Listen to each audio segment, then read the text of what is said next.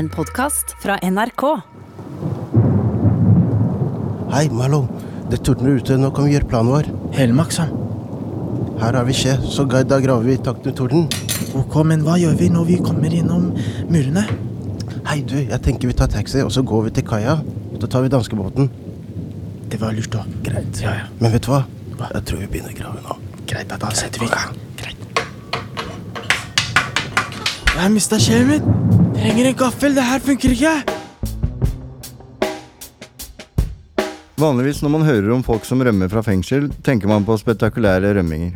Eksempel som i serien Prison Break, hvor hovedpersonen tatoverer et kart over fengselet på hele kroppen og jobber i evigheter med en superplan for å komme seg ut. Men sånn er det ikke i virkeligheten. De aller fleste rømninger i fengsel skjer uten noe som helst form for drama. Mitt navn er Kristian, og jeg står her i Oslo fengsel sammen med Ole. Hei, Ole. Hei, Kristian.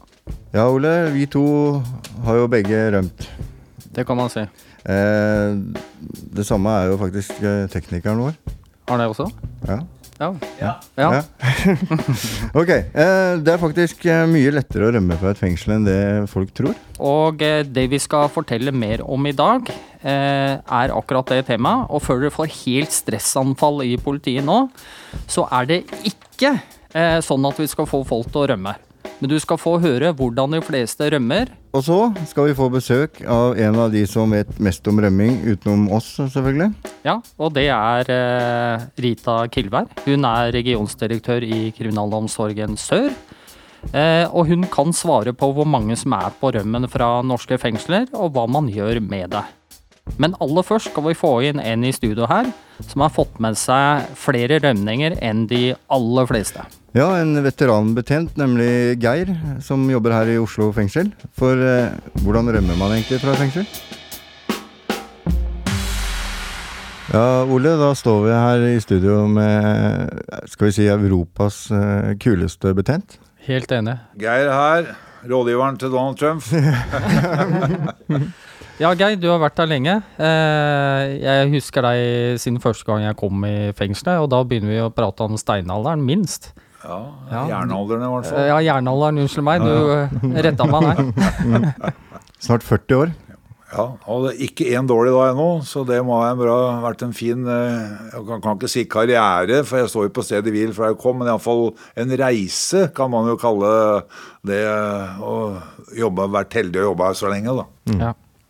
Du har møtt ganske mange interessante folk opp gjennom tidene, regner jeg med?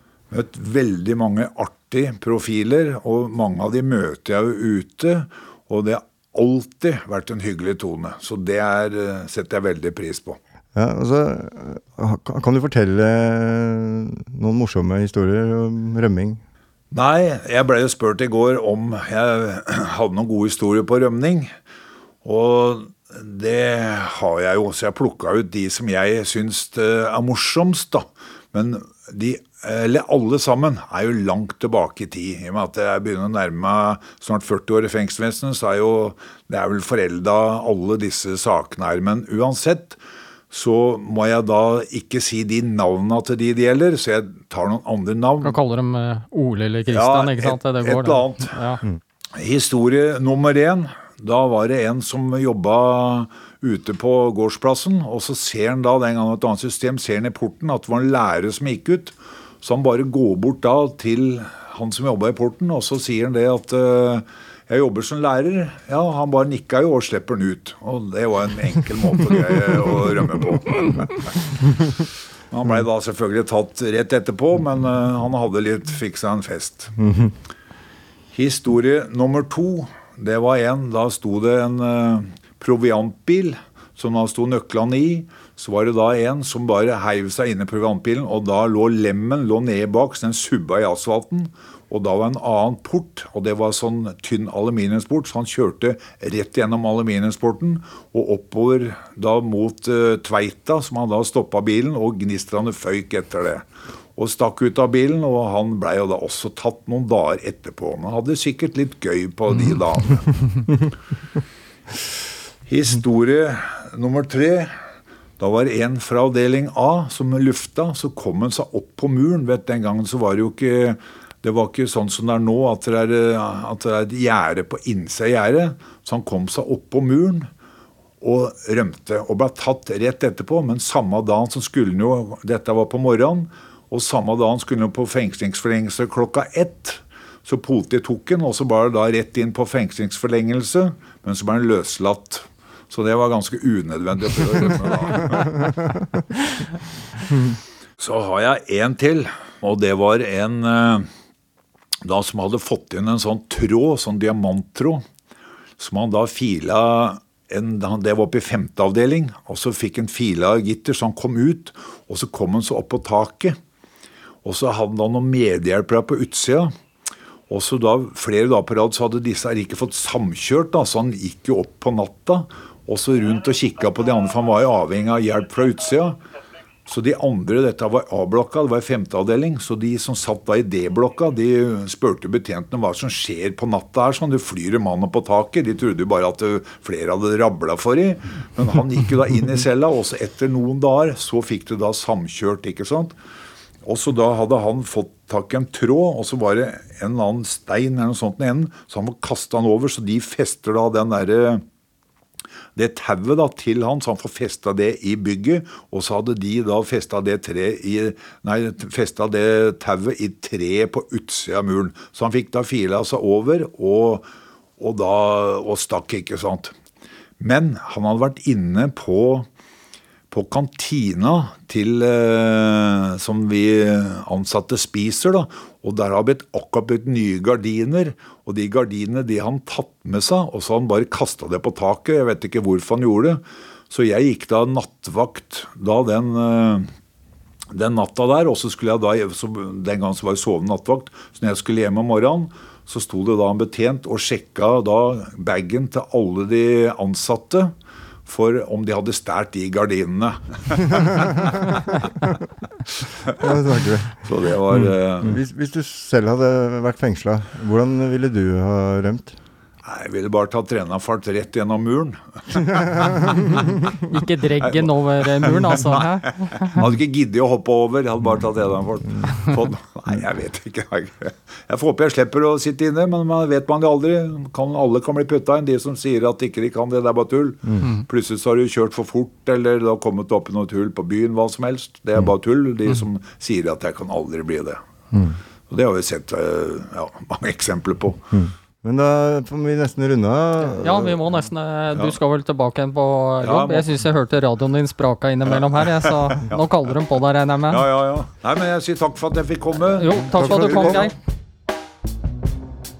Altså, Geir er bare så full av historier. Ja ja, helt klart. Er du i Oslo fengsel og kjeder deg, så få Geir til å fortelle litt, så har du fort underholdning resten av kvelden. Altså. Tiende etasje. Tiende etasje. Mm. Nå har vi fått høre noen historier om rømninger her i Oslo fengsel, men eh, nå skal vi få vite tilstanden på landsbasis. Ja, For er dette et stort problem? Innsatte i norske fengsler lager radio. Du hører Røverradioen i NRK P2.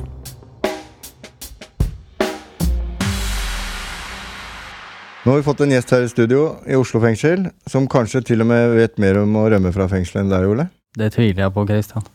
Velkommen skal du være, regiondirektør i Kriminalomsorg Sør, Rita Kilvær. Takk skal dere ha. Eh, du har jo skrevet en stor rapport eh, om folk som på en eller annen måte prøver å unngå å sone straffen sin.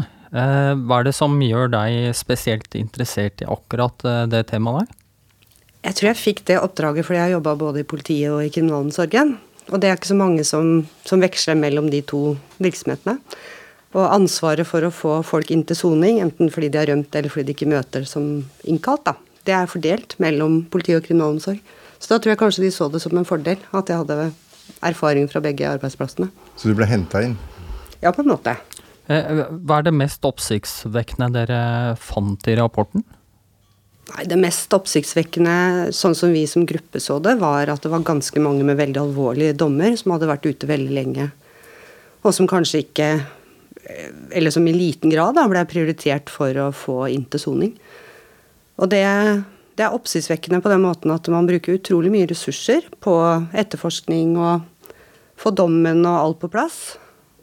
Og så er det jo ofte i de lengste dommene, som også noen av de har omtalt her, fornærmede og pårørende som kanskje er redde. Og hele vårt system bygger jo på tillit, og at man skal sone straffen sin, og, og, så ha gjort opp for seg å være en vanlig borger igjen etter det. Og det, det liksom, den grunnpilaren forsvinner litt, da, når man ikke får folk inn til soning. Men, men, er det da snakk om at de ikke møter til soning, eller er det unnvikelse, eller hva, hva, hva, går det på da? Nei, Den store bolken er folk som ikke møter til soning. Mm. Det er utrolig få som rømmer, sånn, og det er jo litt fordi det også er vanskelig å rømme fra høysikkerhetsfengsel. Og når folk først er på lavsikkerhetsfengsel, så er det jo et spørsmål om tillit. Og de har jo ikke lyst til å miste muligheten til å sone mye friere. Og det samme gjelder for så vidt permisjoner og frigang, at det er så få som stikker av fra det, fordi du har opparbeida den rettigheten og du vil ikke miste den. Så det er uh, i hovedsak da, folk som ikke dukker opp som de skal til soning. Så det er få som spaserer ut portene, rett og slett? altså? Det er veldig få som gjør. Ja. Eh, I rapporten så skrev du uh, at det er over 4000 som er på rømmen fra norske fengsler. Uh, I dag så sitter det 3005. Dette er jo mer innsatte enn det er plass i norske fengsler. Er, og det er jo allerede soningskø. Er det egentlig flaks at folk rømmer eller uteblir? For det er jo ikke plass til alle uansett. Det er litt morsomt at du spør om det. For den rapporten her, dette arbeidet kom først i gang når soningskøen offisielt var borte. Og så har jo den kommet litt tilbake i forbindelse med korona nå. Men oppdraget fikk vi da når eh, Norgerhaven var avvikla og soningskøen var over, og man liksom så at nå er det på tide å begynne å grave i, i de gamle bunkene, da. Mm. Så til en viss grad så har du rett i poenget ditt. Eh, og det var, ikke, det var, nok ikke sånn at eh, man i stor grad prioriterte å få inn folk som ikke betalte bøtene sine, når vi hadde soningskø på 1100-1200 saker. Men den køen vi har nå, som er litt sånn midlertidig pga. korona, den taler ikke for å fortsatt, fortsette å ikke prioritere å få inn de folka her, da. Hvor mange er det, om jeg kan spørre? Eh, koronakøen? Ja. Nå tror jeg vi er nede i ca. 800. Jeg er litt usikker. Mm. Mm. Altså Hvis vi leker litt med tanken på at alle de som er på rømmen per i dag, da, hører på denne radiosendinga, og så mm. bestemmer de seg for å melde seg til soning. Hva gjør dere da? Ja, hvis alle melder seg til soning på en gang, da ja. får vi et problem. så det, vi får oppfordre alle til å ikke melde seg med en gang. Men hvis det er noen som skulle tenke at det er på tide at jeg får sona straffen min og får lagt dette bak meg, så skal vi finne plass. Men hvordan gjør det, la oss si at de ikke er møtt opp til soning, og så angrer seg da, om jeg kan bruke det ordet. Eh, mm. Hvordan bør de da gå frem for å på en måte ikke bli pågrevet, altså helt tilfeldig, da? Er det noen prosedyre for det, slik at man kan melde seg på et eller annet vis og ja. altså rutiner rundt det? Kan du forklare litt om det? Ja, altså systemet er jo sånn at eh, regionkontorene i kriminalomsorgen de sender dommene til rett fengsel. Og så tar fengselet og sender en innkalling til den domfelte det gjelder. Eh, så du vil normalt eh, vite hvilket fengsel du egentlig skulle ha møtt i når du ikke har møtt. Hvis du har fått posten din og har oppdaterte adresser og sånn. Da ville jeg ringt det fengselet som du skulle ha møtt i, og snakka med de. Eh, og da vil du antagelig bli møtt ganske positivt, fordi at jeg tror at fengselet syns det er bra at du sier ifra, og at du ønsker å gjøre opp for deg. Og vi forsøker å legge til rette for det, da.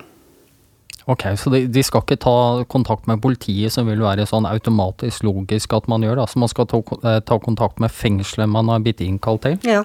Ok. Ja, Og så stopper fengselet stopper etterlysninga som ligger hos politiet. Aha, mm. ok. Ja, det var interessant. Men, men med alle disse kriminelle på frifot, burde norske folk være redde? Nei, åpenbart ikke, da. Vi har jo et av de landa med absolutt lavest kriminalitet i, i per tusen innbyggere i i verden. Så det, det går på et forunderlig vis bra, det òg. Mm. Men igjen, da, sånn som jeg innleda med, det er veldig viktig at folk eh, soner straffen sin og gjør opp for seg, fordi at det, hele straffesystemet er tillitsbasert. Og en av grunnene til at det norske samfunnet funker såpass bra, det er at eh, folk eh, gjør sin plikt og krever sin rett. Hvis vi slutter med det i for stor grad, så kan hende tilliten til både rettssystemet og det her at vi faktisk har det sånn, da, at eh, folk har forholdsvis korte straffer i Norge og får lov å sone under åpnere forhold etter hvert som eh, man kommer lenger i straffegjennomføringa, så kan det forsvinne. Så vi er liksom alle avhengig av at alle gjør sitt, da. Mm. Eh, nå, nå, har jeg kanskje litt vanskelig spørsmål, da, men eh, hvem er den typiske rømlingen? Altså, hvor kommer vedkommende fra? Alder, kjønn, høyde, vekt, øyenfarve? Altså, hva kan du fortelle? Er det noe statistikk på dette her? Det var forunderlig lite statistikk, oppdaga vi som gruppe når vi skulle lage den analysa og skrive denne rapporten. Så det vi har av statistikk, det er egentlig manuell telling av de som har ligget i etterlystregisteret til politiet. Em, Så de tallene vi har, har i den rapporten, de er fra 2018 og bakover i tid. Og det vi så, er at eh, det er ti, ti på topp eh, land, og det er Polen. Så er det Norge, og så er det Romania, og så er det Litauen. Og så er det Nigeria, Sverige, Latvia, Afghanistan og Estland som er de landene som troner på toppen. Når det gjelder kjønn, så er det menn. Fordi det er i all overvekt menn som i hvert fall blir tatt for å begå kriminalitet. så, så det speiler liksom virkeligheten for øvrig. Um, ja, og så Faktisk så fant vi 83 forskjellige land da, i det materialet, men det var de ti på topp som jeg ramsa opp nå. Så, og når det gjelder type dommer, spurte du om det også? Ja. Det det er mest av, er liksom de kortere dommene, fra null til seks måneder. Og da er det ofte veitrafikk og vinning og økonomisk kriminalitet som går igjen i de. Men så har du hele spekteret opp til drapsdommer også, selv om det er færre av de, da.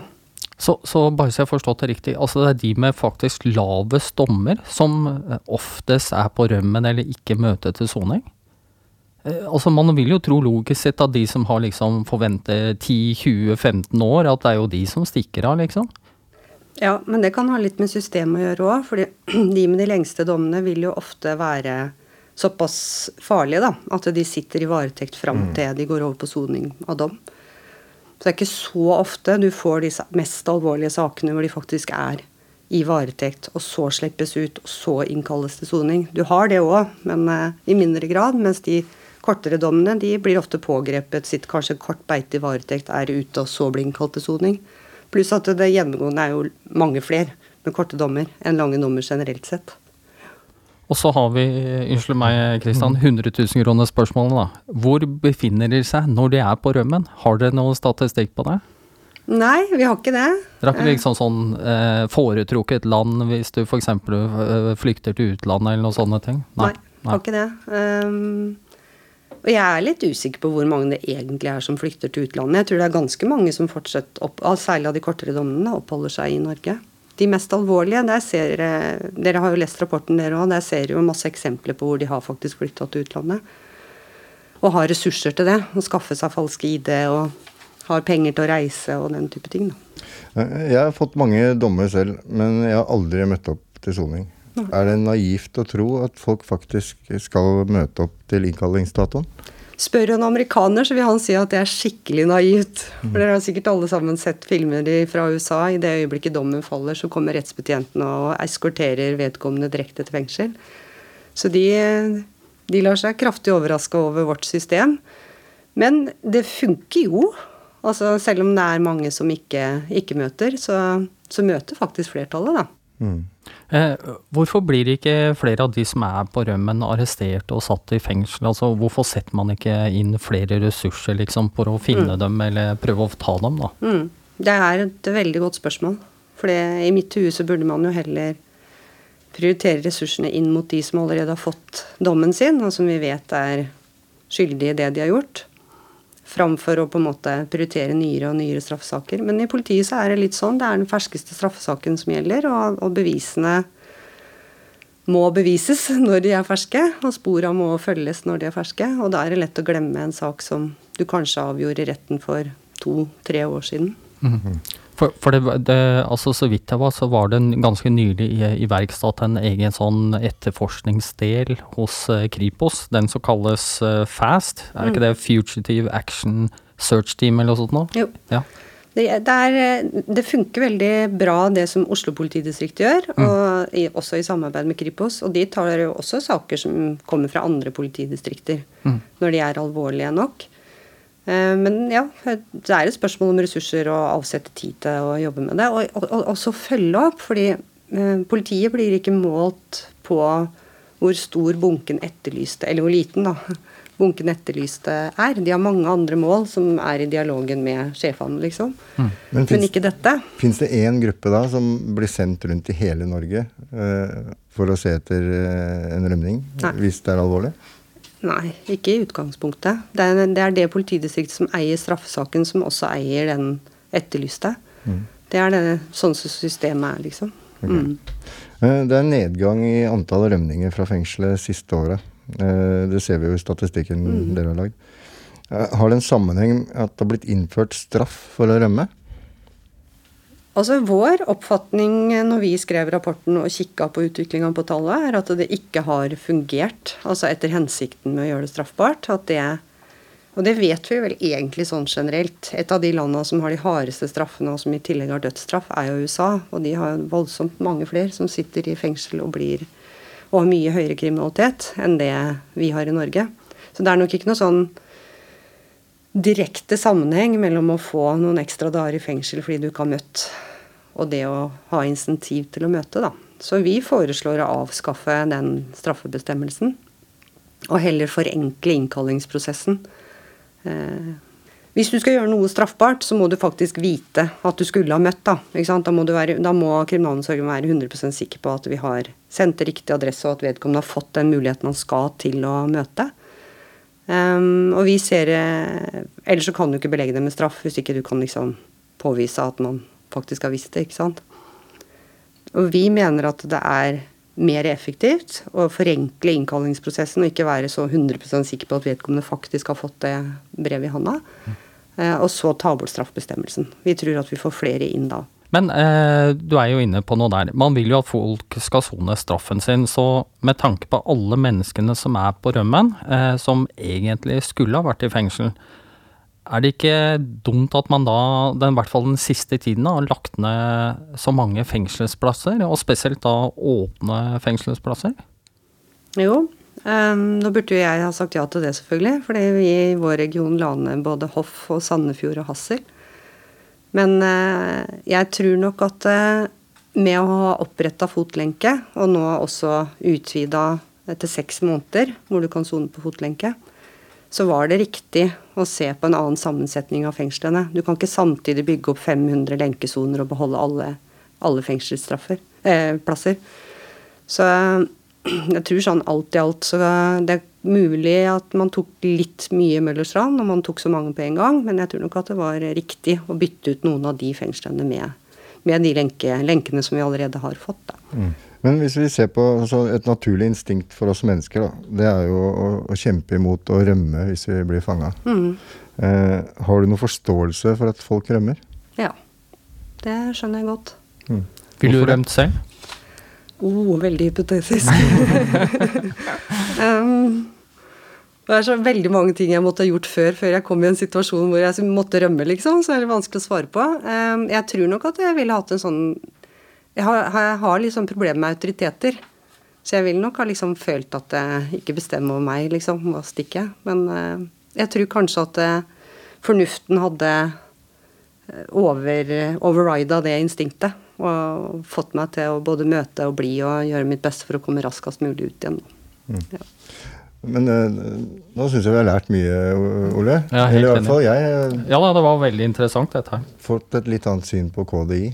Mm. Uh, at dere f.eks. vil ha bort straff for, for, rømming eller uteblivelse. Og, at det er masse gode forslag da, som kanskje ikke helt blir hørt. Egentlig vet du, så burde jo vi ha intervjua dere, som vi ikke møter til soning og som har lyst til å rømme og sånn. Ja, men uh, har, har, du spørsmål, skyt i vei. Vi kan ta det med en gang, det. Så det er ikke noe problem, det. Nei da, du skal få slippe det. men har du noen spørsmål, så har du sjansen nå. Ja, ja. Nei, men Hva er det som gjør at du ikke har møtt deg de gangene du har blitt innkalt? Har du ikke fått den? Har du ikke hatt lys? Eh, sist, siste gangen nå, eh, så venta jeg tre år på en rettssak. Eh, når rettssaken kom, eh, så tok det 14 dager før jeg ble innkalt. Eh, så det er rett og slett eh, Man er ikke godt nok forberedt, da. Mm. Eh, altså Den innkallinga kom altfor fort. Jeg rakk jo ikke flytte ut tinga mine engang. Og få på lager. Mm.